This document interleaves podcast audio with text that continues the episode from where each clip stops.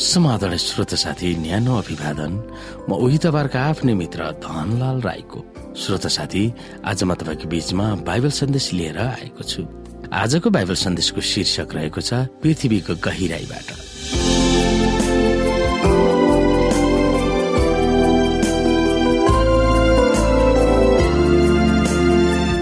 आउनु श्रोता आज हामी भजन संग्रहको पुस्तक एकत्र अध्यायबाट अध्ययन गर्नेछौ। उनलाई पृथ्वीको गहिराईबाट निकालिदिनुहोस् भनेर भजनका लेखकले भनेको अर्थ हामी हेर्न सक्छौ यहाँनिर। हे परम प्रभु रक्षाको निम्ति म तपाईँको शरण परेको छु। मेरो हार कहिले हुन नदिनुहोस्।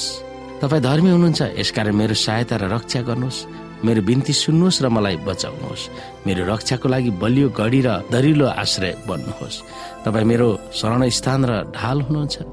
मेरा परमेश्वर दुष्ट मानिसहरूदेखि मेरो उद्धार गर्नुहोस्। निष्ठुरी र दुष्टको शक्तिबाट मलाई रक्षा गर्नुहोस्। सार्वभौम परमप्रभु म तपाईँमा आशा राख्दछु। मैले युवा अवस्थामै तपाईँमा भरोसा राखेको छु।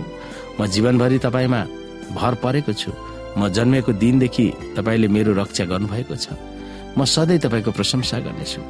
मेरो जीवन धेरैजनाको निम्ति नमुना बनेको छ किनभने तपाईँ मेरो प्रतापी रक्षक हुनुभएको छ।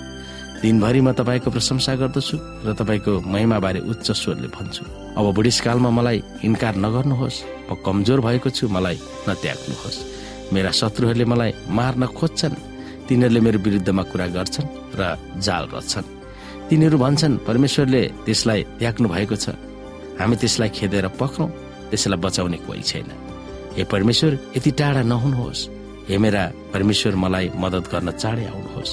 म माथि आक्रमण गर्नेहरूको हार होस् र तिनीहरू मारियो मलाई चोट लाउन खोज्नेहरू लाज र बदनाममा परो म सधैँ तपाईँमा आशा राख्नेछु।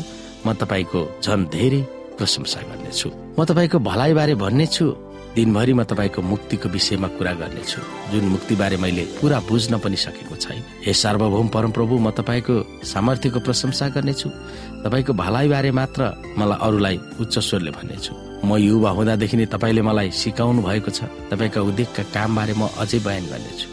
म अब बुढो भएको छु र मेरो केस फुलिसकेको छ। मलाई नत्याग्नुहोस् हे परमेश्वर। पुस्ता पुस्तालाई तपाईँको शक्ति र सामर्थ्यबारे उच्च स्वरले बताउँदा तपाईँ मेरो साथ हुनुहोस्। हे परमेश्वर तपाईँको धार्मिकता आकाशसम्म पुग्दछ। तपाईँले महान कार्यहरू गर्नुभएको छ। तपाईँ जस्तो अरू कोही छैन। तपाईँले म कहाँ दुःख कष्ट पठाउनु भयो तर मेरो बल फेरि नयाँ गरी फर्काइदिनु हुनेछ पृथ्वीको गहिराबाट फेरि मलाई माथि ल्याउनुहोस्। तपाईँले मलाई अझ महान बनाउनु हुनेछ र सान्त्वना फेरि दिनुहुनेछ। हे मेरा परमेश्वर तपाईँको विश्वसनीयताको निम्ति म बिडा बजाएर तपाईँको प्रशंसा गर्नेछु। हे इसरायलका परम पवित्र सराङ्गी बजाएर म तपाईँको प्रशंसा गर्नेछु।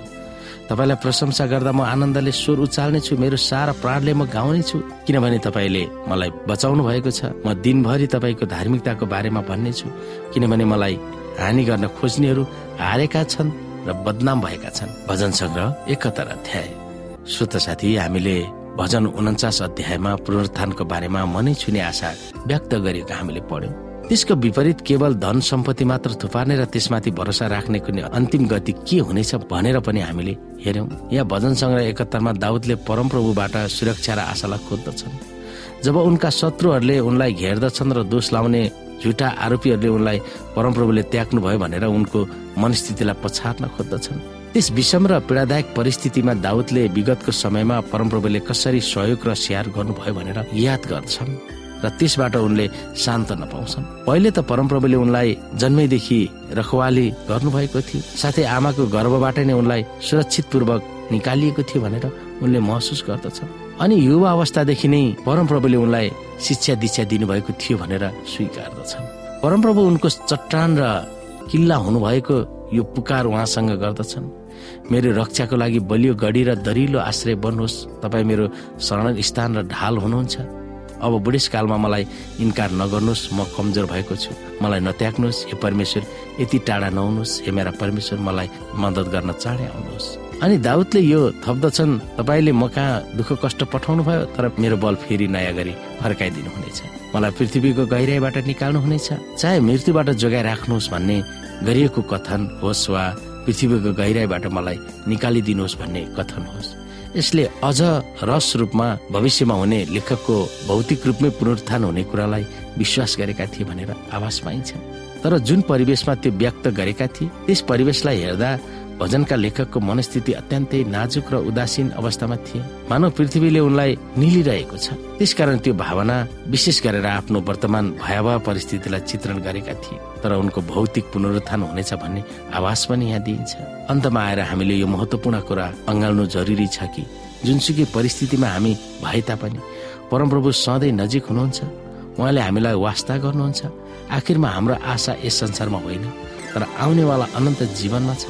यो अनन्त जीवनको सुरु जब यसु फर्केर आउनुहुनेछ र हामी सबैलाई उहाँले पुनरुत्थान गर्नुहुनेछ। अन्त्यमा श्रोता हाम्रो जीवनको यात्रामा हामी सबैले कुनै न कुनै भयानक क्षणहरूको अनुभव गरेका छौँ र उदासीन पनि भएका छौँ। विगतका समयमा परमप्रभु तपाईँसँग कसरी रहनुभयो?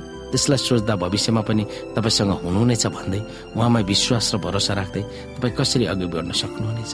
कहिलेकाहीँ परमप्रभु तपाईँबाट टाढा हुनुभएको अनुभव होला तर वास्तविक रूपमा उहाँ तपाईँको नजिक हुनुहुन्छ भन्ने कुरामा तपाईँ आश्वसित हुनुपर्दछ।